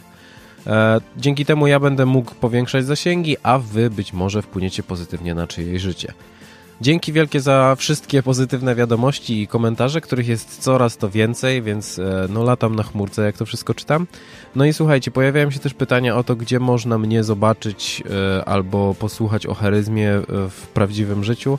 No to zapraszam na, na moje social media, na Facebooka, na LinkedIn, na Instagrama, gdzie dzielę się informacjami, gdzie, w jakich miejscach, w jakich miastach i kiedy możecie wysłuchać jakichś prelekcji dotyczących charyzmy. Dzięki wielkie, że jesteście, no i do usłyszenia w następnym odcinku. Trzymajcie się.